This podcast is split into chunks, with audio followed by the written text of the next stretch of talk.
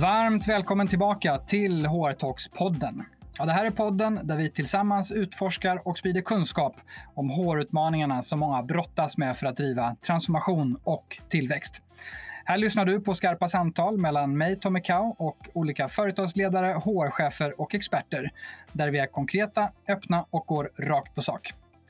Podden möjliggörs av vårt samarbete med Edge, det digitala HR-företaget som hjälper oss att ge dig som lyssnare värde i form av kunskap och tips, rabatt på digitala produkter och ett extra långt kostnadsfritt prova på-erbjudande. Så kika gärna mer och registrera dig enkelt på edgehr.se hrtalks. Idag spelar vi in det här avsnittet virtuellt från hemmakontoren med allt vad det innebär i form av lite ändrad ljudupplevelse. Men det kommer bli alldeles toppen likväl. Och I dagens avsnitt pratar vi om konsten att driva beteendeförändringar på ett effektivt sätt.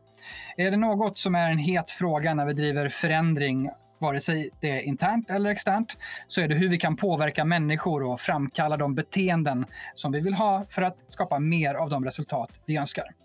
Vi kommer att gå igenom begreppen, hur hjärnan fungerar, lite vanliga tankefällor och framför allt kommer vi dissekera metoden nudging som verktyg för oss ledare och HR-personer att förändra beteenden i våra organisationer. Och för att göra detta har vi bjudit in en gäst som kan det här mer än de flesta av oss. Hon är beteendestrateg och proffs på att förstå och förändra människors beteenden. Hon är medgrundare till Beteendelabbet som med psykologi, design och experimentella metoder gör världen till en bättre plats. Hon är också erkänd nudging-expert, frekvent anlitad föreläsare och medförfattare till boken Nudging i praktiken. Ja, hon heter Linda Lindström och nu drar vi igång dagens skarpa samtal.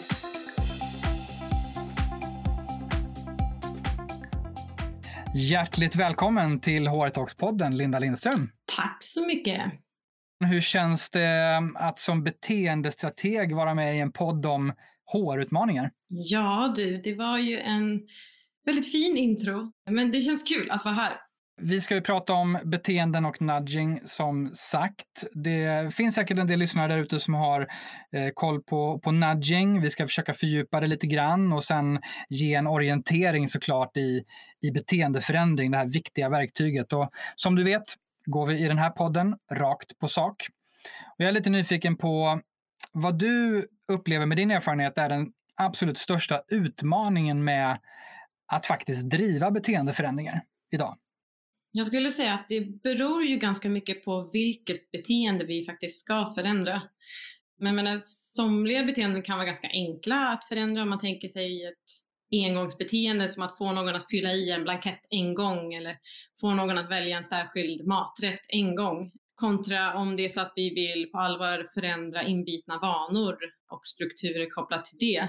Då kan det vara lite svårare, som till exempel att få folk att ta cykeln istället för bilen varje dag till jobbet.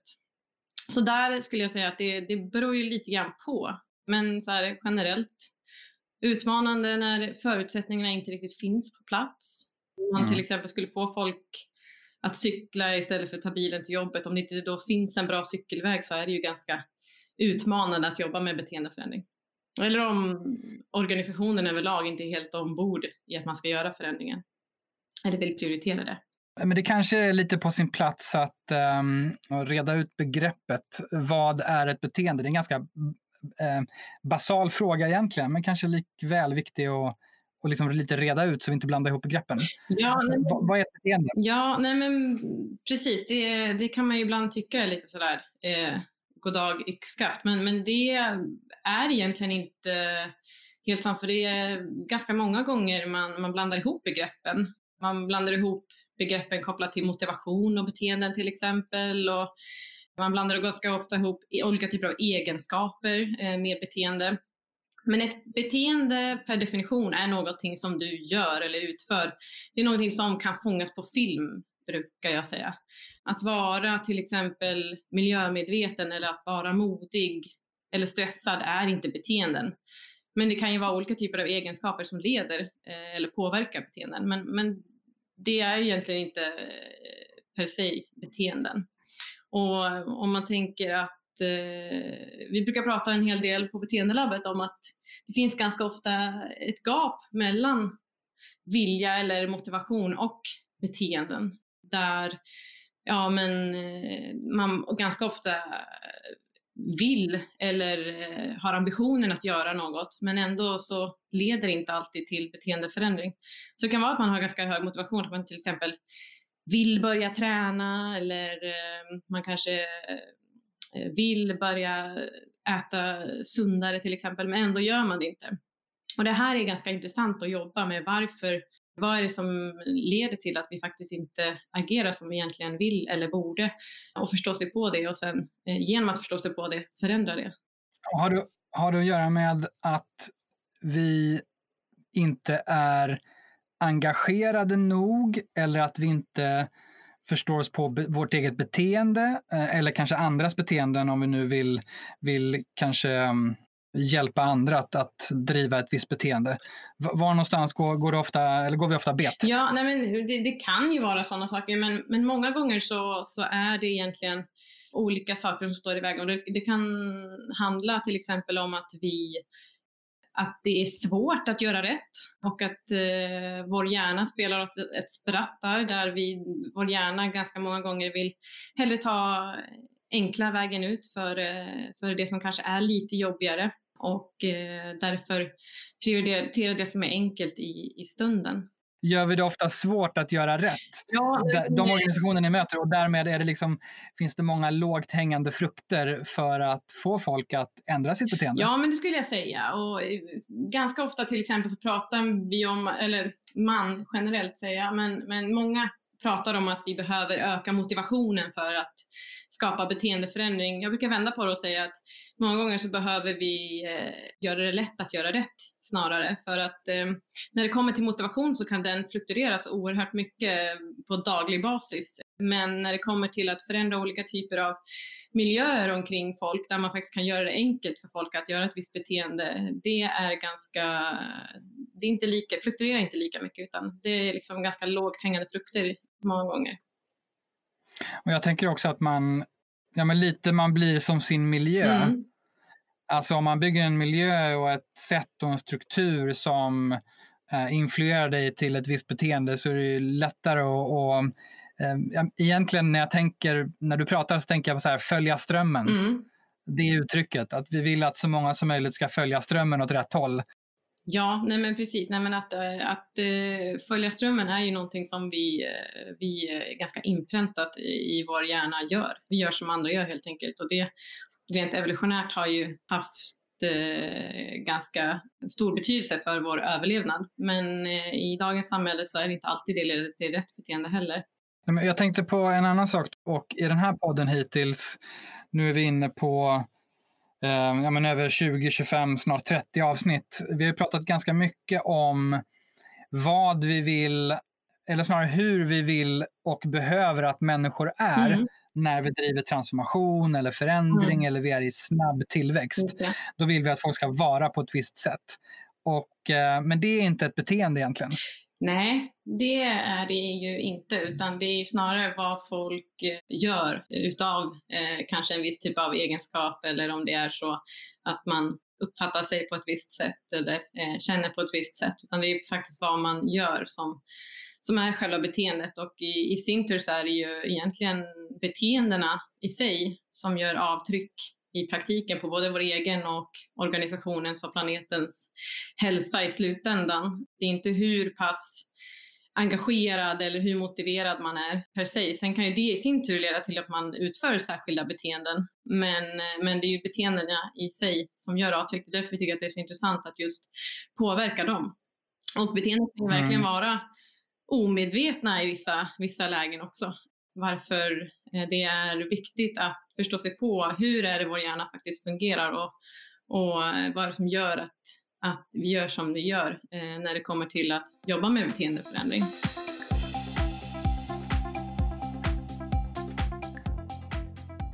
Kan vi inte prata lite om om det då, för det, är ju, det här är ju någonting som vi är grundprogrammerade kring sedan mm. ganska lång tid tillbaka, ett antal tiotusentals år. Eh, hur hjärnan fungerar och det är hjärnan som driver våra beteenden. Ge oss lite av din kunskap. Ja, men eh, i och med att eh, jag kommer då från beteendelabbet och vi gillar ju att experimentera en del, så jag tänkte att vi kan väl exemplifiera lite grann om hur vi fattar beslut lite kortfattat och lite metaforiskt. Jag ska testa lite grann på dig Tommy.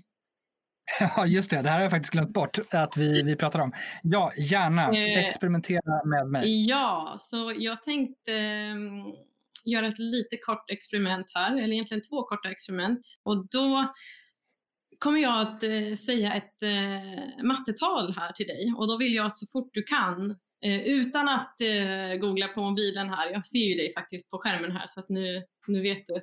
Jag håller upp händerna. Jag tänkte säga ett mattetal och så fort du kan svaret så säger du rätt ut. Är du med? Jag är med. Okej, då säger jag 584 genom 8. Eh, 584 genom 8. Ja, men då säger jag väl eh, 70 någonting. 70, det är nära. Det måste jag ändå säga är, bra. Det är 73 är svaret. Ja, bra. Eh, Härligt. Hur kändes det där? Det kändes som att jag eh, sattes på pottkanten i ett ämne som jag inte älskade när jag gick i eh, gymnasiet. Ja, ja nej, men det var inte min mening att få dig att känna så, utan tanken med det här är att du ska koppla på lite grann, lite mera eh, reflektivt system och eh, att eh, tänka lite extra och det tror jag att jag lyckades med ändå. Absolut. Och det, det hade varit en sak om du sa 14 delat på 2. Ja, precis. Då hade liksom reptilsnabbt svaret kommit. Ja, men precis. Vi ska testa något lite enklare apropå det. Vi ska prata om färger. Och eh, då vill jag att jag kommer ställa lite frågor så vill jag att du svarar så fort du kan helt enkelt. Ja. Okej, är du redo? Ja. Vilken färg har snön? Vit. Vilken färg har ett vanligt A4-papper? Vit. Eller vitt. Vilken färg har bomull? Vitt. Vilken färg har ett moln? Vitt. Vad dricker kon? Mjölk. Mjölk. ah, där fick du mig tror jag. Ja, det Eh, ja, det är gräs såklart. Ja, Bland annat. precis. Nej, men det här, var ju, det här var lite kul. Jag har inte riktigt testat det här i praktiken förut. Vi, vi har det här experimentet i vår bok, men i vanliga fall brukar vi göra lite andra experiment när vi håller föreläsningar. Men vad jag vill exemplifiera med eh, de här två experimenten, och det var ju kul att du gick på det där Tommy. Ja, jag bjuder på det. Det jag vill exemplifiera helt enkelt med de här två experimenten är med mattetalet att vi, vi eh, metaforiskt kan prata om två olika typer av system när vi fattar beslut. Det ena är ganska långsamt och det kräver en del kognitiv eh, tankeverksamhet. Eh, här väger vi ofta för och nackdelar mot varandra. Men när vi väl kommer fram till ett beslut här så är de oftast rätt. Så hade jag gett dig lite mer tid här på det här mattetalet till exempel, då kanske du hade kommit fram till rätt svar här. Så det är ett exempel på det här, det här systemet som är lite mer reflektivt som vi brukar kalla det. Sen har vi det här andra experimentet som vi gjorde nyss med eh, färgen vit, där man ganska intuitivt eh, vill svara mjölk, trots att kon dricker vatten. Eh, det här är ett exempel på, på vårt ah, mer automatiska system. Och här eh, lägger vi inte alls så mycket tankeverksamhet utan vi är ganska styrda av olika typer av mönster och vanor och rutin och kanske vad vi tidigare har exponerats för och, och eh, som sagt lite olika typer av genvägar, mentala genvägar som vi gör ganska automatiskt i vår, vårt tankesätt. Och det här är ju egentligen inte alls till vår nackdel i vardagen, utan det sparar ju oss enormt mycket tid och energi att, att eh, fatta beslut i det här mer automatiska systemet. Vi kan kalla det vår autopilot. Och eh, som sagt, det hjälper oss i många situationer, men ibland kan det få oss att fatta lite felaktiga beslut där vi trillar in i lite så kallade tankefällor, som vi brukar kalla det. Och de här tankefällorna handlar om när vi inte alltid gör som, som, eh, som vi borde, där vi inte alltid är så rationella eller tänker efter särskilt mycket. Och eh, det finns en rad olika tankefällor. Jag tänkte att jag skulle nämna några här idag med dig. Några reflektioner bara. Dels eh, en reflektion på reflektionsbiten är ju att vi har för lite tid att reflektera. Eh, och det betyder rimligtvis att vi, vi förlitar oss ännu mer på autopiloten Ja. Nu än för, säg några decennier sedan. Ja, vi förlitade oss på, på autopiloten väldigt mycket för rent evolutionärt så är det den som har fått oss att överleva. Och det är den som eh, egentligen så är det ju att vi var väldigt styrda av den förr, men att den påverkar oss än idag. Eh, ganska mycket, för Mm. våra hjärnor har inte förändrats så mycket på 70 000 år, men, men eh, vårt samhälle har gjort det. Så att eh, det som är intressant är att de väldigt många, man brukar prata om nästan till 80 procent av alla våra vardagliga beslut är influerade av den här autopiloten, vilket gör att ja, det är ganska intressant att tänka på och eh, hur lätt vi är påverkade av, av hur olika typer av val arrangeras för oss. Men hur, de här autopilotsbeteendena, mm. jag tänker att vi inte riktigt ser dem som beslut. Ja, fast det leder ju till beteenden. Tänker... Så det är, auto, det är automatiska beslut som, som, vi, som vi tar oss till för att, som i sin tur ger ett, ett beteende? Ja, alltså vi kan ju tänka, tänk till exempel om du går in i en affär och du har, har, eh, kommer ut med någonting därifrån som du inte riktigt hade planerat för. Jag vet inte om det har hänt någon gång att man plockar på sig en klick choklad i, i kassan till exempel. Eller något mm. liknande. Man går på något erbjudande där man köper fler av någon produkt man inte hade tänkt.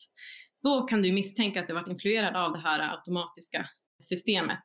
Så de här besluten, den, de gör vi väldigt många gånger under en dag.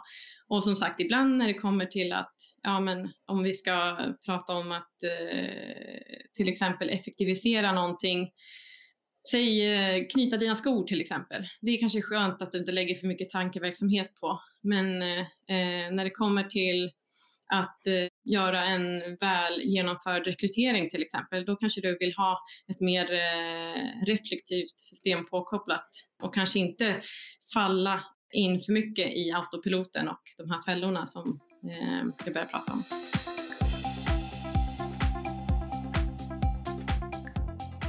Och det är det här som nu börjar bli riktigt intressant eftersom det, det är här någonstans som vi kommer tillbaka ofta i samtalen mm. i den här podden och i många utmaningar som företag och ledare och HR sitter med där ute. Att vi vill ju i ganska många fall komma bort från det här kanske mer eh, traditionella historiska autopilotbeteendet mm. i hur vi, hur vi förhåller oss till en förändring eller som du säger hur vi rekryterar eftersom mm. ny spelplan kräver nya spelregler helt mm. enkelt.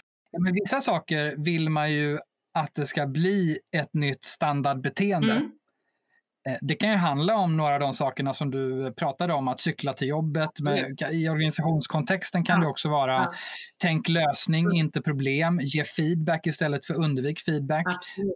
Och så vidare. Och det är precis det här som, som, som nudging egentligen handlar om. Det handlar om att arrangera olika typer av valsituationer så det blir lätt för vår autopilot att göra rätt. Och där finns det ju en rad olika tekniker man kan jobba med. Eh, men det går ju absolut som att eh, eh, arbeta med.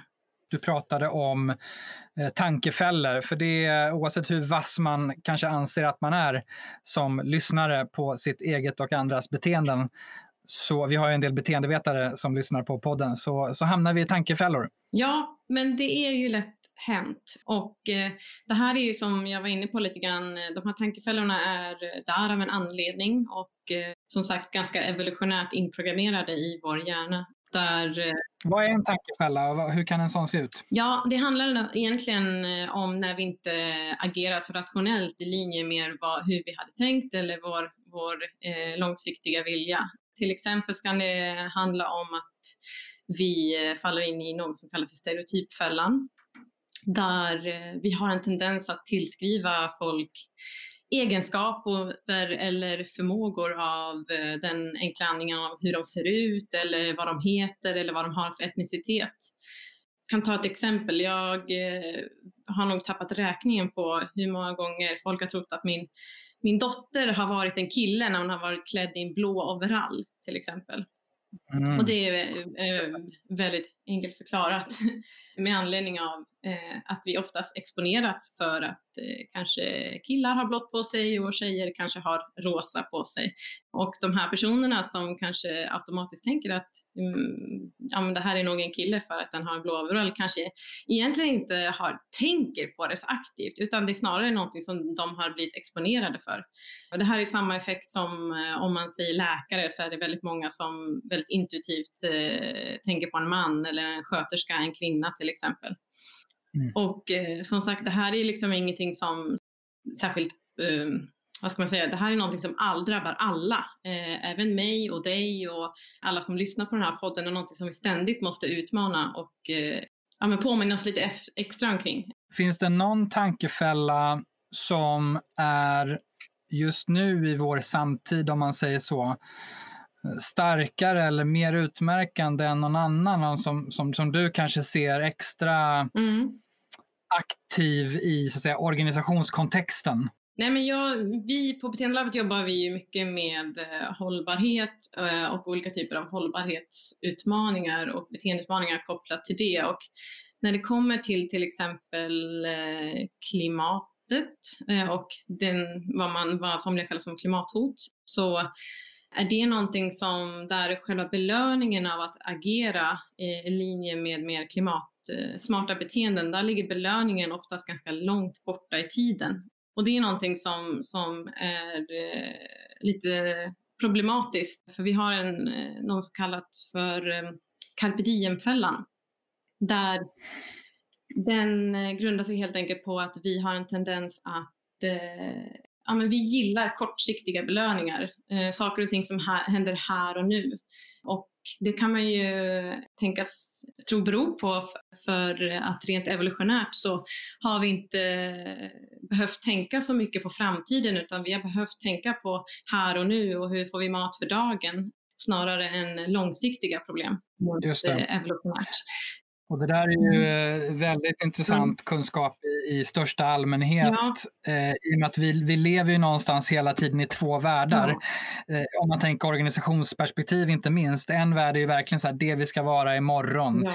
Målet, visionen, det alla ska egentligen lite som vi inledde och introducerade mm. det här poddavsnittet. Mm. Vi vill skapa ett, ett framtida resultat och vi vill påverka folk så att vi får mer av de beteendena som vi vet leder till det resultatet. Ja, men precis. Eh, och det går egentligen emot människans natur, säger du? Ja, ja men eh, det skulle man verkligen kunna säga och det är därför man kanske kan nyttja den här carpe diem-fällan istället och tänka lite grann hur skapar vi kortsiktiga belöningar som är bra på, på lång sikt som leder till en eh, lång eh, hållbar långsiktig förändring. Ja, men om man ska prata i, i, i eh, största allmänhet så, så handlar det ju om att, att positivt förstärka de beteenden som, som eh, man anser är bra för organisationen och göra det mm. i direkt anslutning till beteendet som, som sker. Där det inte kanske handlar om de här långsiktiga belöningarna. De, de kan vara bra på sikt, absolut, eh, och spara, men då behöver man påminna om dem och eh, som sagt jobba med kortsiktiga belöningar här och nu. Och vad är det som är så, eh, jag tänker, vad är det som är så svårt med det här? För att, och, och, och jag eh, är helt övertygad om att många som lyssnar nu också på vårt samtal mm. tycker att Ja, det där vet jag ju egentligen. Och det där är ju liksom grundbulten i, i, i mycket av det vi får lära oss som ledare och, och HR-ledare. Mm. Men fortfarande, när ni möter kunder och andra där ute, liksom, varför är det här så svårt? att premiera eh, kortsiktiga Eh, eller beteenden med, med, kortsiktiga belöningar så att vi får folk att hela tiden vara på tårna och, och, och, utöva det beteendet som vi vill och som vi vet leder till ett långsiktigt bra resultat. Där handlar det ju väldigt mycket om hur, hur systemen är utformade runt omkring dig, hur arbetsplatsen är utformad rent eh, fysiskt. Eh, om det till exempel är jobbigt att ta den där extra svängen förbi vad det nu kan vara, den här kollegan som, som man kanske egentligen skulle sagt hej till. Om det är jobbigt och extra långt avstånd till exempel så kanske ja, men då, då är det någonting som, som eh, där belöningen av att eh, det är mindre jobbigt kommer trumfa.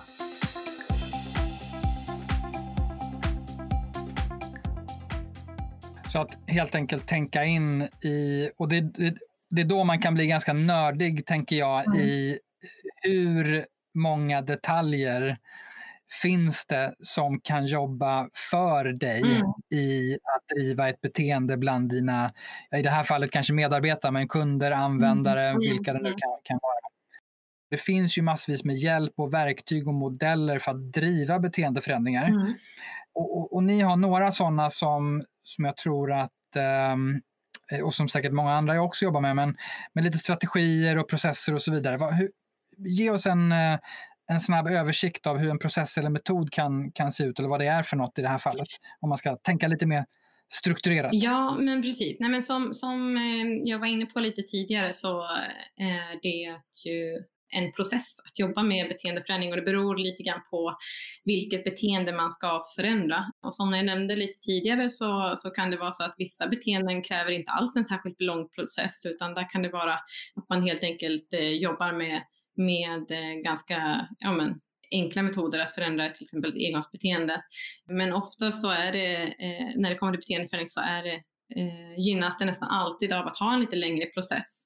Och vi har ju tagit fram en arbetsprocess som kombinerar eh, psykologi, beteendeekonomi och tjänstedesign som vi kallar för beteenderesan i vår bok. Och den består egentligen av fyra steg. Där första steget är eh, beteendekollen. Och det handlar egentligen om att eh, ja, men sätta en, en skarp riktning för projektet och eh, fundera på att bestämma ett tydligt mål för projektet och identifiera vilka beteenden är det på allvar man vill förändra. Sen är det väldigt viktigt att förstå vem är det vars beteende vi ska förändra? För individer är olika, som säkert lyssnarna vet i det här, eh, till den här podden. Och utgå ifrån vad vi, som, vi brukar kalla eh, de vars beteende vi ska förändra för användaren. Och utgå från mm. dem och vad är det de har för hinder eh, i sina beslutssituationer. Och prioritera sen vad är det för, för eh, vad är det för, vad är, vilket beteende är viktigast att jobba med? Och Eh, utifrån det jobba med eh, beteendeinsikt, att förstå som sagt användarens verklighet och här kan man jobba med olika typer av insamlingsmetoder. Det kan vara allt ifrån att eh, observera den här användaren i praktiken när den utför beteendet eh, och fånga upp vad är det som, som den faktiskt gör snarare än att den säger att den gör till exempel. Eh, det kan vara så att den gör omedvetna saker som är väldigt spännande för, för just den här beteendeförändringen. Och bara så vi pratar, som exempel på beteendeförändring och projekt, så det kan vara allt från att fylla i reseräkningarna på rätt sätt till att vara en bättre kollega, till att källsortera i köket på kontoret, till att vara mer innovativ. Till precis, allt ifrån det till att Ja, men eh, vi hade ett projekt där vi jobbade med att få medarbetare på en byggarbetsplats att rapportera olika typer av tillbud, alltså någonting, eh, när det händer någonting på arbetsplatsen så ska man eh, rapportera det till exempel. Att, så det, det skulle kunna vara ett exempel. Just det. det känns som att säkerhet och hälsa och ett antal andra saker är ganska vanligt förekommande. Ja, och det är också sådana beteenden som är bättre för alla. Eh, det är ju ingen som mår, eh, mår bra av att man beter sig osäkert på en arbetsplats till exempel. Eh, det drabbar ju alla. Så det är också verkligen en sån, ett sådant beteende som är viktigt att jobba med. Ja, det finns mm. olika typer av metoder för att förstå sig på eh, användarens verklighet. Och, så beteendesikt är liksom steg två där vi definierar olika typer av, beslutssituationer som är viktigt att jobba med. Och vad är det som hindrar och vad är det som motiverar användaren att utföra ett särskilt beteende? Just det, och här, här kan man säga att de som är vana att jobba i, i kanske organisationer mm. som jobbar med eh, allt från customer journeys mm. till numera jobbar ju många också med employee journeys mm. men, och tjänstedesign som du är inne på. Mm då, då, har man lite försprång i det här kan man säga. Men annars så sitter man ofta med undersökningar och, mm. och lite mer, vad ska man säga, kvalitativa metoder eh, mm. om man jobbar som ledare eller HR. Ja, och det kan ju absolut säga en hel del. Eh, alltså det är ju ändå vad folk upplever om situationen. Men, men som sagt, ska man jobba med beteendeförändring så äh, mäter ju inte det själva beteendena. Det kan ge vissa indikationer och vad som är spännande att kika på. Men det mäter ju sig inte beteenden. Så att, att kolla på faktiska, vad folk faktiskt gör och data på det är ju det som vi tycker mm. Eh, och kallar för beteendedata som är, är eh, väldigt intressant. Och sen kan annan typ av data som olika typer av enkät och attityd undersökningar förstärka och förklara olika typer av beteenden. Eh, som, såklart, så att båda är viktiga. Men då utefter det här eh, beteendeinsiktssteget så, så har man oftast en ganska bra koll på läget och eh, det i sin tur blir bränsle på vad som skulle vara en bra nudge så att säga. Så att, eh, eller överlag, vi brukar kalla det för beteendeinsats för det är inte alltid det faller inom definitionen av en nudge. Och sen det fjärde steget är det nästan viktigaste skulle jag säga och det är att mäta effekten av själva lösningen när man implementerar den.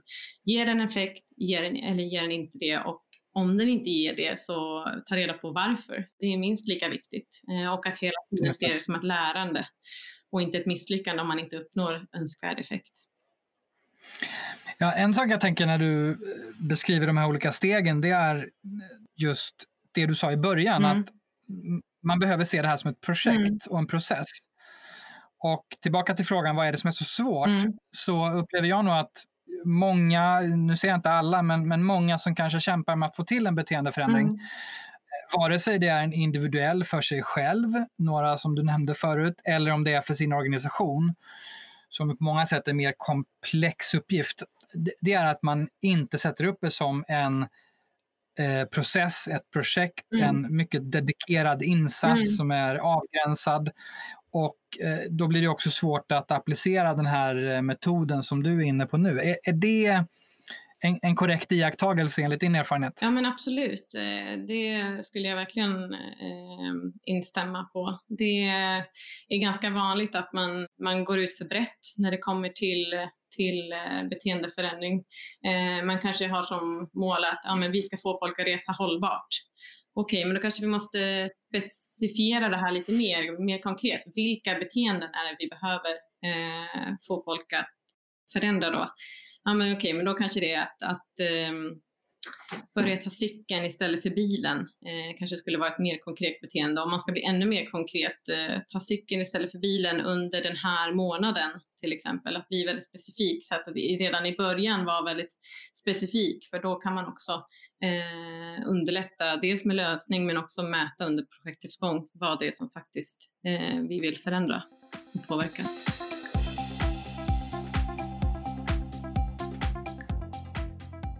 Och nu glider vi ganska naturligt över på, du var inne och nämnde nudging mm. eh, för en liten stund sedan och det du beskriver nu är ju en förutsättning för att lyckas med nudging. Men, men för de som inte har eh, djupdykt i nudging som verktyg och, och metod, mm. vad, vad, är nudging om vi ger hissversionen? Ja, nej men nudging egentligen är ju i sig någonting som kommer från eh, fältet beteendeekonomi, så man brukar kalla det för tillämpad beteendeekonomi. Och beteendeekonomi i sig handlar om, som vi var inne på där tidigare med tankefällorna, när vi inte alltid agerar så rationellt eh, och avviker från en så traditionell ekonomisk modell om där vi ganska, eh, man antar att människan är ganska rationell varelse. Så att tillämpa insikter från när vi inte alltid är så rationella eh, och eh, arrangera olika typer av valarkitekturer som man säger på nudging-språk och valarkitektur, ja, beskriv det. Vad, precis. Vad? Nej, men så det, en valarkitektur kan vara allt ifrån eh, ett datasystem eh, och hur du fattar beslut i det till hur en eh, matbutik ser ut. Eh, så det är egentligen miljön där du fattar ett beslut. Så det, det nudging handlar om är att eh, arrangera den här valsituationen så att det blir, eller vad ska man säga, eh, valarkitekturen är ju mer nudging-språk, men om man ska förenkla det ordet så kanske valsituation är det lite lättare för en mottagare att förändra den så att det egentligen blir ett önskvärt beteende. Så om man ska ge ett, ett eh, enkelt exempel, till exempel att om det är så att du vill få folk att eh, jag kan ta ett exempel som vi gjorde för något år sedan på en stor konferens eh, där vi ville få eh, deltagarna på konferensen att välja vegetariskt ur eh, ett hållbart perspektiv istället för kött. Då, det vi gjorde då var att vid eh, själva anmälningen till eh, konferensen så, så gjorde vi att det var förvalt att man eh, fick vegetariskt. Du behövde alltså inte ta ett extra beslut för att eh, välja vegetariskt vanliga fall så brukar mm. du behöva ta ett aktivt val för att eh, till exempel välja vegetariskt. Nu gjorde vi det tvärtom, att här behöver vi ta ett aktivt val för att välja kött. Det som är väldigt centralt i nudging är att det ska, handlar inte om några förbud och det handlar inte om att ta bort något val, utan det handlar helt enkelt om att man ska, eh, ja, man ska göra det lätt att göra rätt helt enkelt. Och det här skulle man kunna ta i, i listan är ju lång på exempel liknande exempel, Exakt. även i ledarskap och i organisationskontexten ja. på grejer där man vill göra det lätt. Ja, precis. Så, så att förändra själva standardvalet är ett väldigt kraftfullt verktyg. Så att eh, i det här fallet så gick vi från året innan så när det var kött som förval, då var det bara 20% som aktivt valde vegetariskt och det här året när vi bytte så var det 90% av deltagarna som valde vegetariskt. Så att det kan vara kraftfullt. Och i det här läget så är det ju vad man utgår ifrån att förändra standardvalet är att vi människor helt enkelt, eh, eh vi vi gillar inte att ta extra beslut. Eh, vi gör hellre, många gånger så, så uppskattar vi när folk gör dem åt oss. Vad finns det mer för, för eh, nu gav vi några exempel mm. där, men jag tänker, finns det några, kan man kalla det för klassiska resultat eh, som man gärna vill uppnå eller kan, bör uppnå eh, genom just nudging. För jag tänker att nudging kanske inte funkar på allt heller. Nej, nej men precis. Nej, eh, och eh, det beror ju lite grann på som sagt vad man jobbar med för verktyg. Men som sagt att, att vi pratat om det här lite grann med engångsbeteenden och vanor som att eh, förändra standardvalet på konferensen till exempel. Det är ju eh, ett ganska enkelt och billigt sätt och kräver kanske inte en hel lång process för. Men när det kommer till lite mera långsiktiga beteenden så kan det krävas eh, ibland mer än, än att bara inom situationstecken ändra standardvalet i någonting. Så det kan kräva flera insatser och att jobba kontinuerligt med det och eh, eh förstärka på annars, andra sätt. Men jag tänker också att vi sa ju tidigare att vi med fördel kan premiera mer kortsiktiga mm. eh, beteenden. Mm. Och det är klart, om man tittar på, på det lite mer kortsiktigt så passar ju nudging potentiellt till ganska mycket. Mm. Alltså eh, kortsiktiga engångsbeteenden som i sin tur mm. leder till eh, ett långsiktigt resultat. Och eh, där, där finns det ganska mycket, allt från tänker jag hälsa, som du säger säkerhet, arbetssätt mm. är ju också någonting som är extremt eh, hett just nu, mm. där också många jobbar hemma. Ja, eh, och vi behöver beteenden eh, som, ja, vi behöver förhålla oss till ett, eh, ett nytt arbetsliv mm. i praktiken. Va, vad kan nudging hjälpa oss där? Eh, vad har du för tankar kring det? Nej, men det, det finns ju, jag menar, nu är det ju vi en, i en fas, precis som du säger, där vi verkligen behöver förhålla oss till Folkhälsomyndighetens rekommendationer som att hålla avstånd och tvätta händerna och, och att eh, fortsätta bibehålla de här rekommendationerna trots att det liksom har blivit någon form av nytt normalt där vi kanske ibland också släpper lite grann på de här de här riktlinjerna eh, i vår egen vardag. Mm. Så där behöver vi ständigt påminna oss och eh, kan ju jobba med olika sätt att göra det. Nu är vi är ju inte så många kontor där ute som har så många medarbetare längre på kontoret. Men det finns ju olika sätt man faktiskt kan eh, via nudging på enklare sätt eh, få folk att tvätta händerna under en längre tid. Till exempel är det väldigt många som har svårt att uppskatta hur, hur långt 30 sekunder som du borde tvätta händerna i faktiskt är. Det, kanske man, det kan man jobba med olika typer av knep eller hur långt faktiskt två meter avstånd är är också ibland svårt. Det behöver man också ibland påminna folk om. Vi har tagit fram ett, eh, ett eh, gratis eh, nudging kit som man kan ladda ner från vår hemsida eh, där vi har gjort dekaler som kommunicerar just det här och försökt att med hjälp av just emojis också påverka vår, vår autopilot som svarar lite snabbare på ansiktsuttryck snarare än text. Att eh, mm påverka folk genom att eh, eh, sätta upp de här dekalerna som man kan göra på sitt kontor eller i eh, vilken miljö man nu befinner sig i. Jag vill tacka vår samarbetspartner, digitala hårföretaget Edge. För med deras digitala produkter kan du som HR-ledare eller chef få tillgång till användbara mallar, dokument, checklister och kalkyler och få snabba och trygga svar på alla möjliga frågor inom HR. Allt i syfte att förenkla och effektivisera ditt hårarbete så att du kan frigöra viktig tid. När jag själv tidigare var chef var exempelvis en av utmaningarna att göra korrekta kostnadsanalyser eller business cases för olika förändringar eller satsningar i personalen. Det kunde vara allt från investeringar i hälsa och kultur till beräkningar för både nyanställningar och omorganisationer. I Edge produkter finns det flera riktigt bra beräkningsmodeller som jag skulle haft stor nytta av då. Så missa inte att gå in och kika på Edge produkter som nu via HR-talks-podden kan fås med 15 rabatt eller testas i två veckor helt kostnadsfritt. Så kika direkt på edgehr.se hrtalks. Det där är jättebra. finns det några tips också på jag tänker när många jobbar hemma så är det mm. ju eh, då, ja, hygien och distans mm. såklart viktigt, mm. men jag tänker också så här, röra på sig, mm. må bra, um, hitta hållbara sätt att jobba. Har ni sett några bra exempel på det eller tankar kring uh, hur vi kan um, trigga folk ja, men, att ha ett hållbart beteende där? Nej men verkligen, men som Mm. nu har vi ju verkligen bara touchat ytan lite grann om hur vår hjärna funkar. Eh, men man brukar säga rent konkret att det är eh, någonting som triggar ditt beteende och det är alltid någonting som efterföljer ditt beteende som, som egentligen, det är de två, eh, han brukar prata om A, B, C, alltså en, en aktiverare, någonting som aktiverar ett beteende och sen en, en konsekvens, alltså någonting som, som eh, händer efter beteendet som i sin tur förstärker eller försvagar själva beteendet.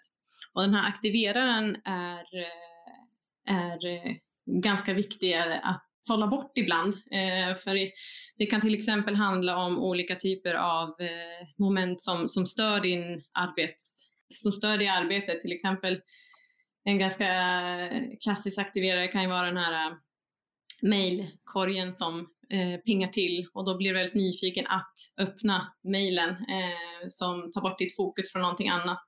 Så det kan vara, ett tips kan ju vara att, att skala bort lite olika typer av aktiverare som, som, som triggar dig till att göra olika beteenden som du egentligen inte ska göra för tillfället.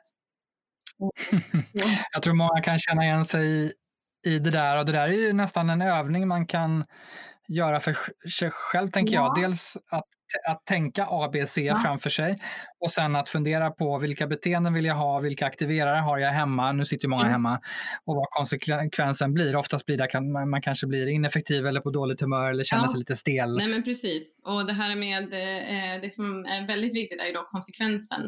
Alltså se ett egentligen som händer efter beteendet för det i sin tur styr om du kommer upprepa beteendet igen eller inte. Så till exempel då, ja men om det här mm, mejlet som du fick nu var extremt spännande eller då, och väldigt belönande, ja men då ökar sannolikheten att du faktiskt nästa gång du får en ping, en aktiverare, att du faktiskt kommer öppna mejl igen. Det som man brukar säga styr mest är ju oftast också det, när det är lite osäkerhet, när du inte vet om det är ett, eh, ett läskigt eller ett eh, spännande mejl. Det triggar mm. nästan ännu mer många gånger. Eh, det vet många beteendevetare som sitter och lyssnar på det här. Men mitt tips där skulle ju vara då att avtrigifiera, alltså eh, ta bort så många aktiverare eh, som skulle kunna störa dig i ditt arbete och kanske sätta, sätta in andra aktiverare som kan hjälpa dig, som till exempel att påminnelser om att ta en promenad och ta en paus, eh, att faktiskt eh, nudga dig själv till att göra den typen av viktiga aktiviteter eh, och vara tydlig med den strukturen. Och det kan du göra genom olika typer av påminnelser på telefonen eller post-it-slappar eh, lite här och var.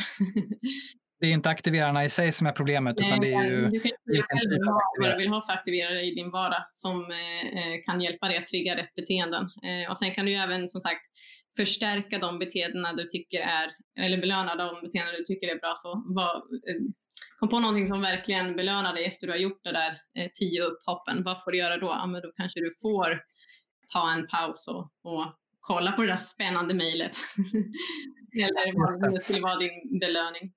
Och konkret då, vad, kan vi ge några tips på vad folk ska, ska ha för aktiverare för att eh, få en bättre, ett bättre hemmaarbetsbeteenden? Har du några, några tankar?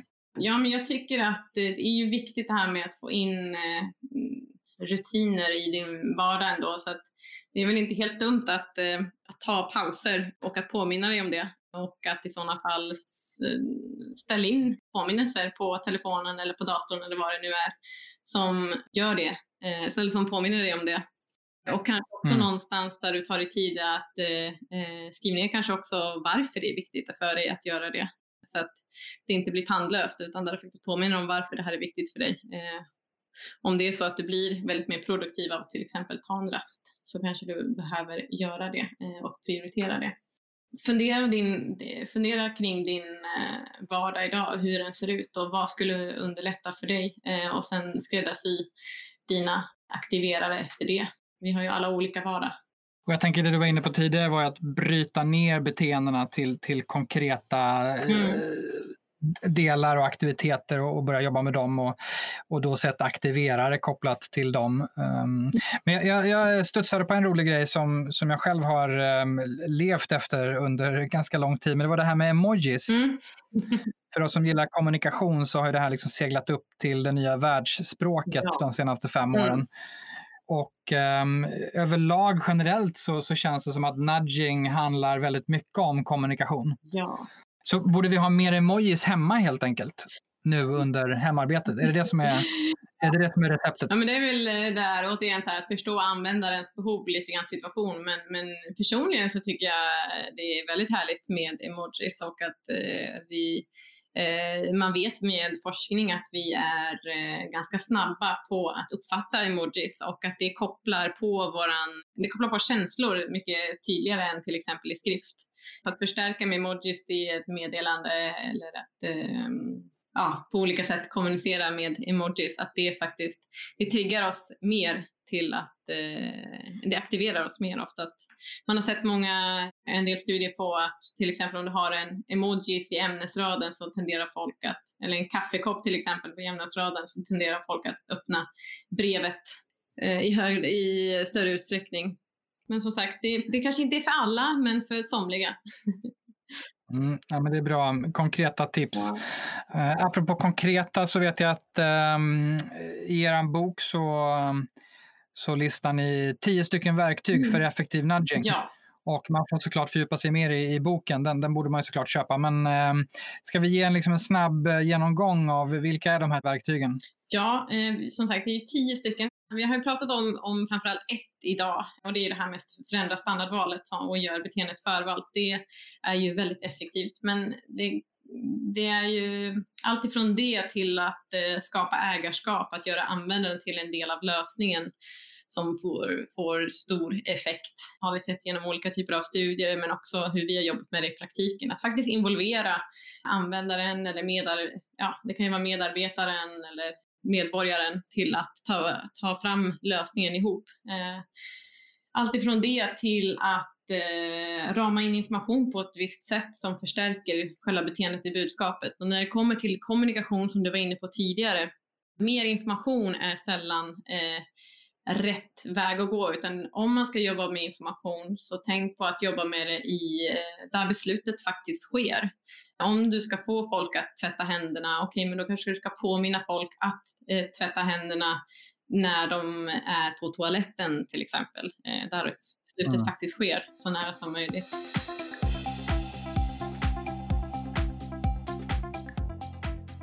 Nu har vi många som lyssnar som är i, i HR-roller och mm. ledarroller. Om du får gräva lite bland dina erfarenheter och det som du ser att nudging eh, ofta eh, appliceras på, mm. så att säga, kopplat till, till HR-utmaningar. Vad, vad kan du dela med dig då?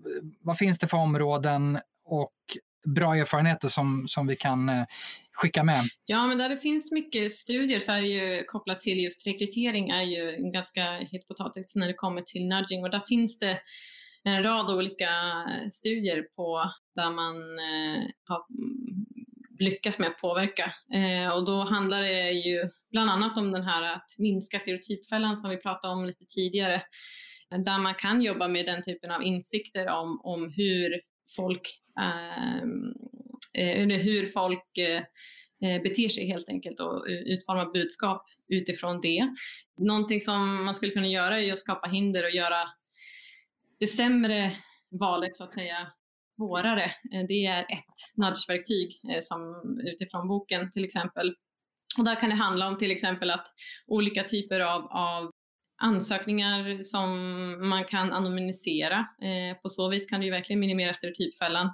Där, det är säkert inte helt okänt för lyssnarna till den här podden, men, men blinda eh, auditions eh, är ju någonting som har pratats ganska mycket om, där eh, framförallt en eh, orkesterstudie har blivit väldigt uppmärksammad, där man kunde se att eh, det var väldigt många män som rekryterades till, till orkestrar. Men där man genom att eh, få folk att provspela bakom ett skynke så att de som, som eh, ja, men juryn eh, inte såg om det var en man eller kvinna som, som spelade.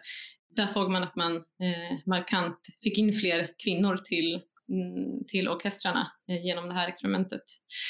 En annan sak som man skulle kunna göra just kopplat till, till eh, rekrytering är att ja, men om man har en nu är jag så här, jag kanske är lite gammalmodig i mitt tänk för jag är inte den som sitter med, med rekrytering men jag ser framför mig att man har en hög med ansökningar framför sig.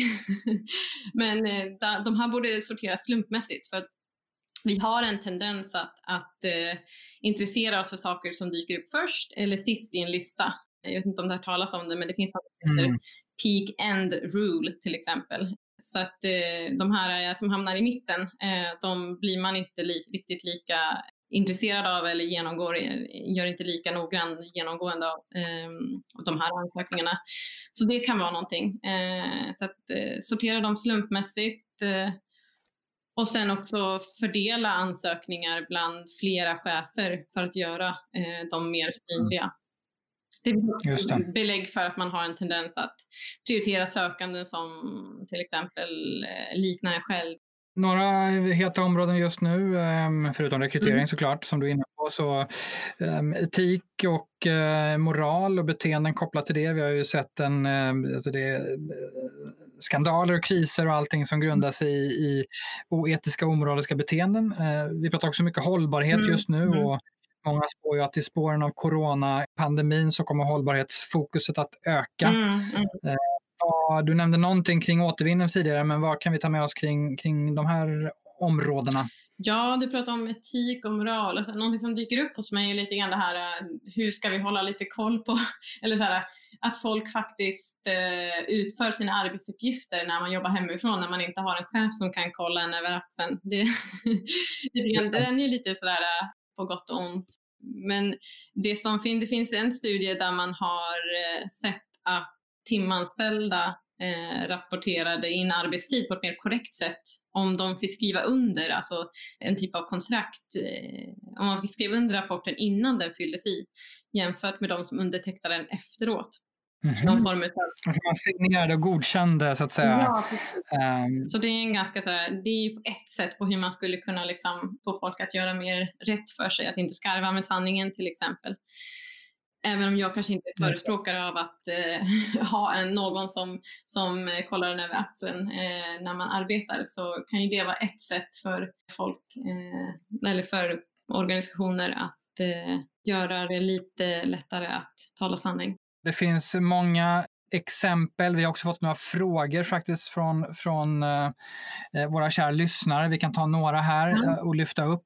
En första fråga är från Anna Mindelöv som är HR-direktör på Phoenix Outdoor, också en tidigare gäst i den här podden faktiskt. Hon är nyfiken på att veta om eh, ja, du, Linda, tror på unlearning som koncept och metod eller om man helt enkelt bara ska promota eller nudga och belöna goda beteenden och eh, låta bli avlärande, som hon kallar det. Ja. Vad tänker du kring, eh, kring det? Jag tycker att det är en intressant, eh, det här är en intressant fråga.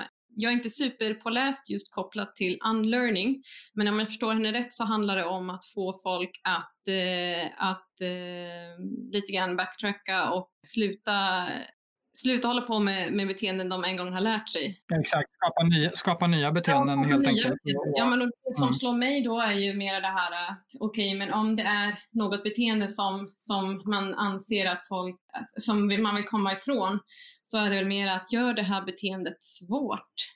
Konkret exempel, att skapa olika typer av, av, av barriärer för att göra det här beteendet.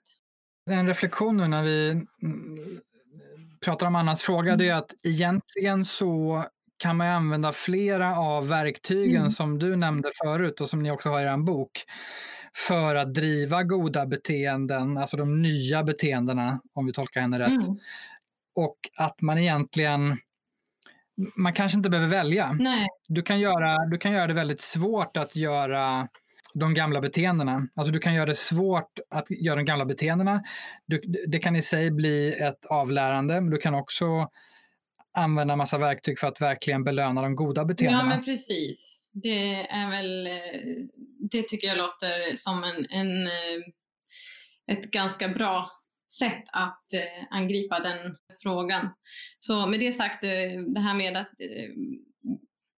tro på unlearning, i och med att jag inte vet riktigt det begreppet, eh, så det jag tror på snarare är att skapa förenkla och minska friktion för de goda beteendena och skapa friktion och göra det jobbigt att utföra de, de eh, inte så önskvärda beteendena. Nästa fråga kommer från Helena Sjöberg mm. som är HR-direktör på Microsoft i Sverige. Och hon skulle vilja ha superkonkreta tips för hur man kan stimulera beteenden kring att ge och ta emot feedback. Mm. Det här är uttjatat som begrepp, erkänner hon, men feedbackkultur är så oerhört centralt för att kunna skapa och ge näring åt långsiktigt lärande och beteendena då kopplat till det. Va, ja, vad kan vi um, ge och ta emot feedback? Det tycker jag är en jättespännande fråga och också intressant att, att höra att det är uttjatat som begrepp rent beteendemässigt så är ju feedback eh, superviktigt. Och om jag utgår från, från mig själv och min egen vardag så, så, eh, och hur vi jobbar på beteendelabbet när det kommer till olika typer av, av hur man beter sig i arbetslivet så finner vi det väldigt bra att, att ha en eh, ja, men ha rutin för att ge feedback. Vi har till exempel alltid att vare sig det är ett möte eller om vi haft en workshop, att alltid ha liksom väldigt tydlig rutin för hur vi gör, eh, ger feedback. Och det behöver inte ta tid, utan det kan vara så enkelt som att man alltid har som vana att alltid, okej, okay, hur tycker du att, eh, vad var bra det här mötet? Vad kan vi göra bättre inför nästa möte? Mm. Och att ha den, det som, så ha det som, som kultur. Och sen är det ju det här med att ta emot eh, eh, feedback som, om man ska kalla det lite mera utvecklande feedback, är ju ibland lite svårare för, för många och det ibland så försvinner den här, den här fina feedbacken där man bara kommer ihåg den negativa feedbacken. Och det är ju, rent psykologiskt så har vi liksom ett, någon form av negativt filter där vi har en tendens att komma ihåg det här eh, negativa. Så att jag skulle väl ändå säga uppmuntra att ha, om vi ska prata om vågskålen, att alltid ha mycket mer belönande feedback, eller vad man ska säga, och eh, försöka trycka på det som var bra. Eh, och, eh, men fortfarande vara saklig och vad som kan vara utvecklande. Och att eh, fokusera på fokusera på vad hen eh, faktiskt har eh, genomfört och fokusera på beteendet snarare än att gå på person.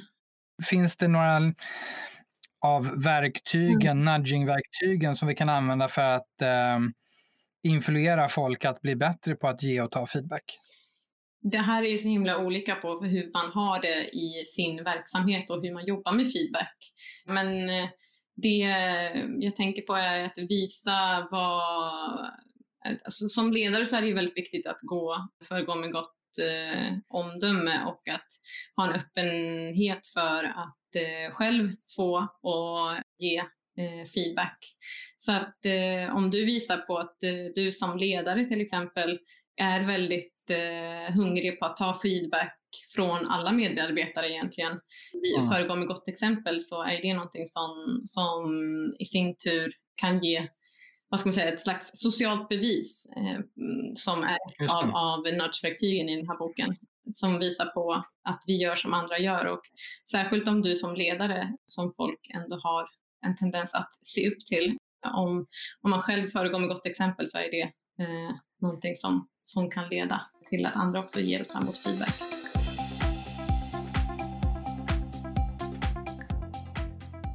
Bra, tänka på socialt mm. bevis ett, ett verktyg. Mm. Vi, eh, vi går vidare till Boel Sjöstrand som är interimschef och även eh, Chief Commercial Officer på Linkura. Hon har en kortfattad och tydlig fråga kan man säga. Hon, hon vill att alla i hennes team ska ha ett gemensamt fokus. Alltså helt enkelt eh, få till beteendet som, som gör att folk eh, är fokuserade på samma sak.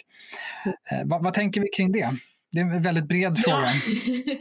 Ja, ja precis. Lite klurigt vad som menas med gemensamt fokus. Men överlag om vi kollar på, alltså om vi går tillbaka till beteenderesan här som är vår arbetsprocess som jag nämnde lite grann tidigare där. Och första steget, beteendekollen. Om det är så att man ska jobba med ett projekt att sätta tydliga mål och eh, skapa en tydlig bild av vad det är man vill. Uh, se till att alla är ombord uh, och skapa ägarskap mm. för det här vi pratar om att göra en, använda till en del av lösningen, att involvera uh, folk. Och eh, om det är det hon menar när det kommer till eh, gemensamt fokus i, i ett projekt så är liksom beteendekollen eh, finns en rad olika typer av tips för där man kan kolla på hur man kan få ett lyckat projekt att styra i rätt riktning. Det är väl mitt tips, men eh, sen mm. tänker jag ju, associerar jag till fokus då igen lite grann till här när vi pratar om hur man kan få folk att bli mer effektiva i sin arbetsvardag, kan ju också vara ett fokus. Då pratar vi om det här med att av, eh, avaktivera olika typer av, av saker som, mm, som gör dig mindre effektiv. Så att hjälpa folk att, att eh, stänga ner olika typer av, att inte ha de här 17 eh, olika fönster uppe på datorn utan att fokusera på en sak i, eh, sak i taget. Siri Vikander som många i podden känner som en nyfiken lyssnare som frågar Siri då, för de som inte känner henne, är mm. föreläsare och rådgivare inom digital samverkan och lärande. Och hon är lite också inne på det fråga av det breda slaget, men, mm. men ändå ganska tydligt.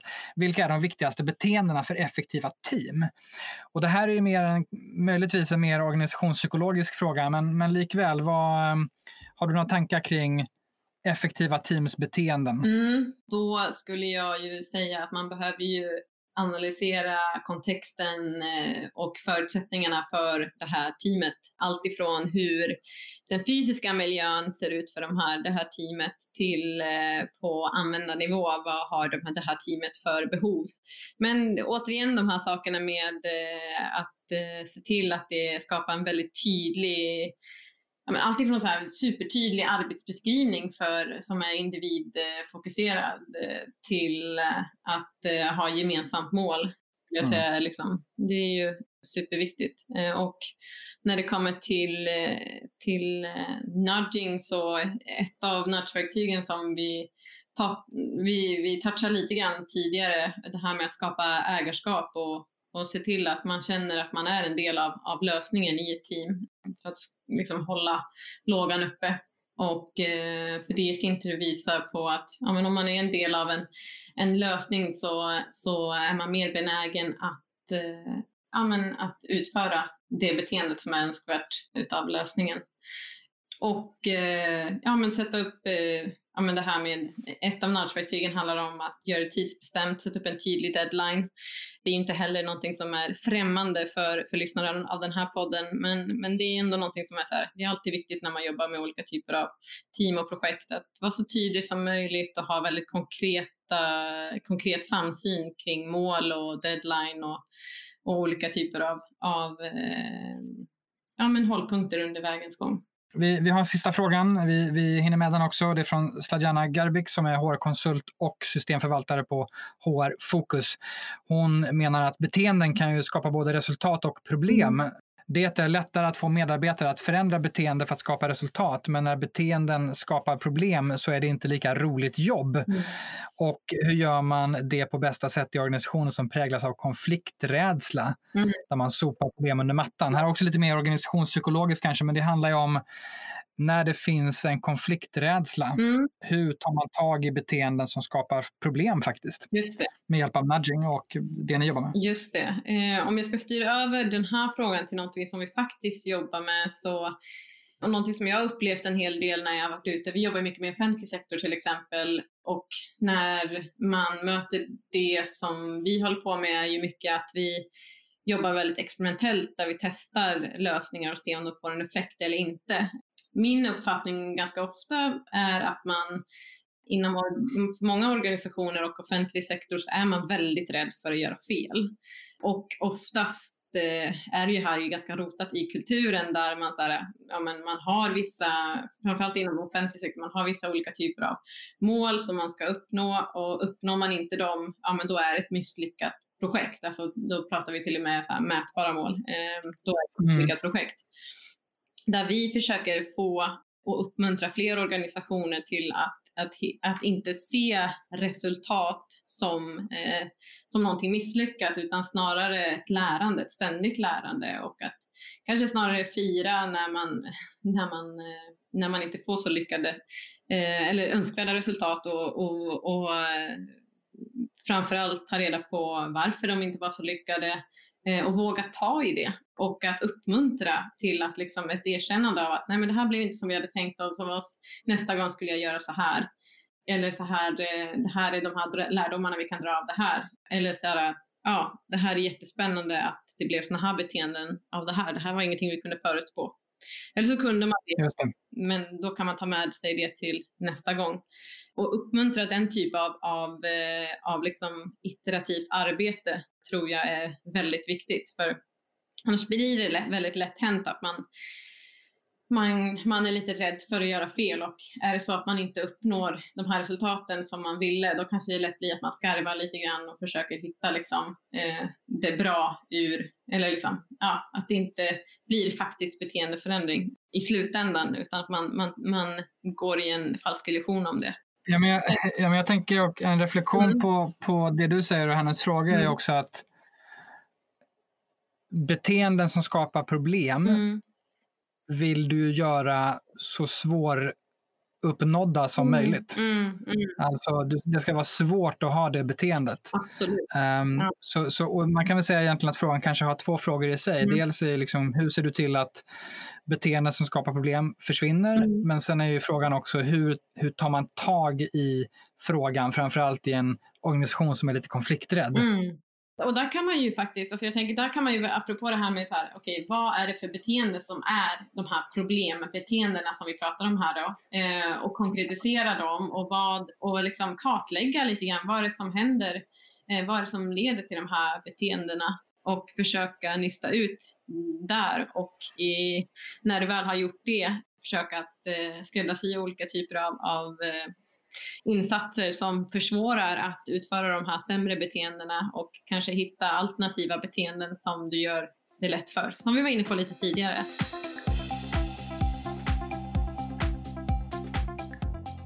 Tack för alla frågor. Fortsätt att skicka in dem.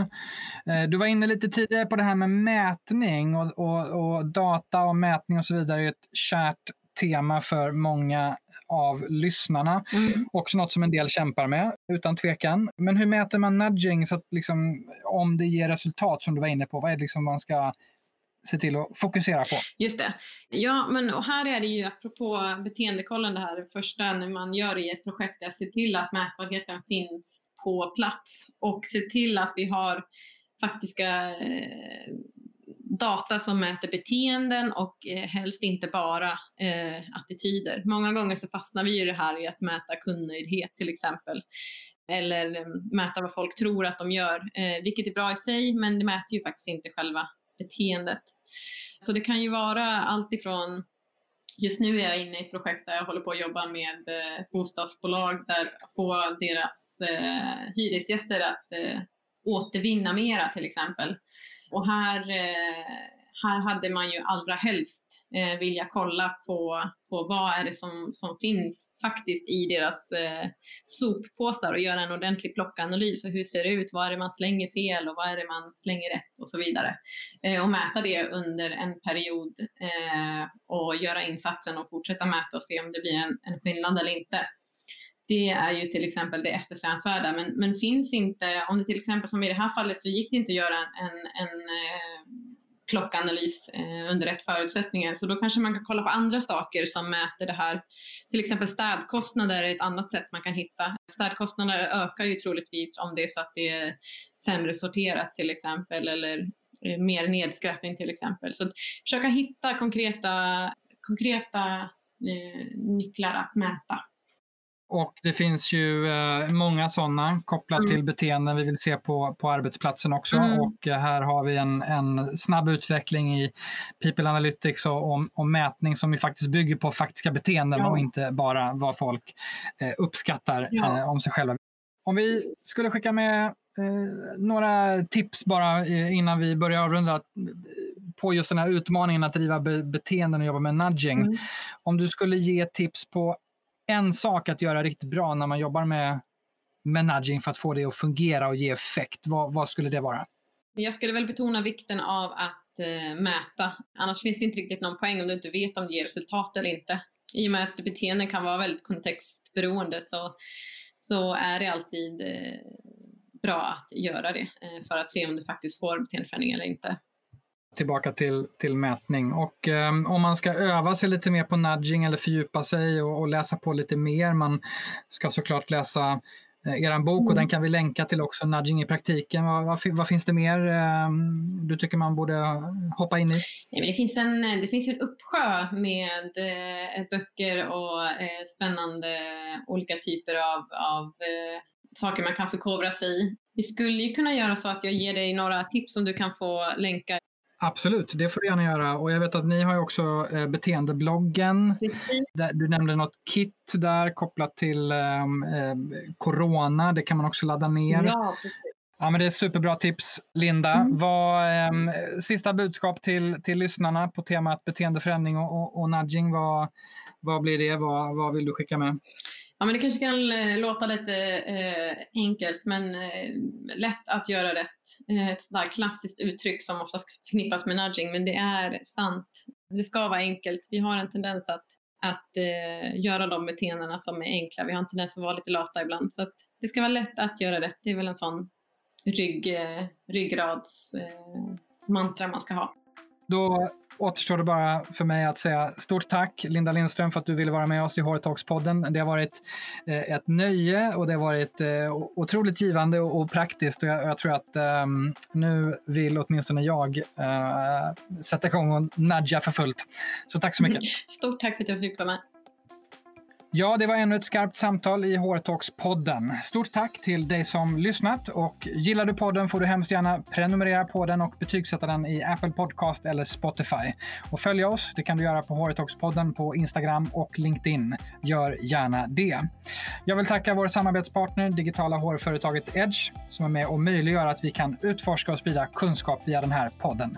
Kolla gärna in deras rabatter och prova på erbjudande på digitala produkter direkt på edgehr.se hrtalks.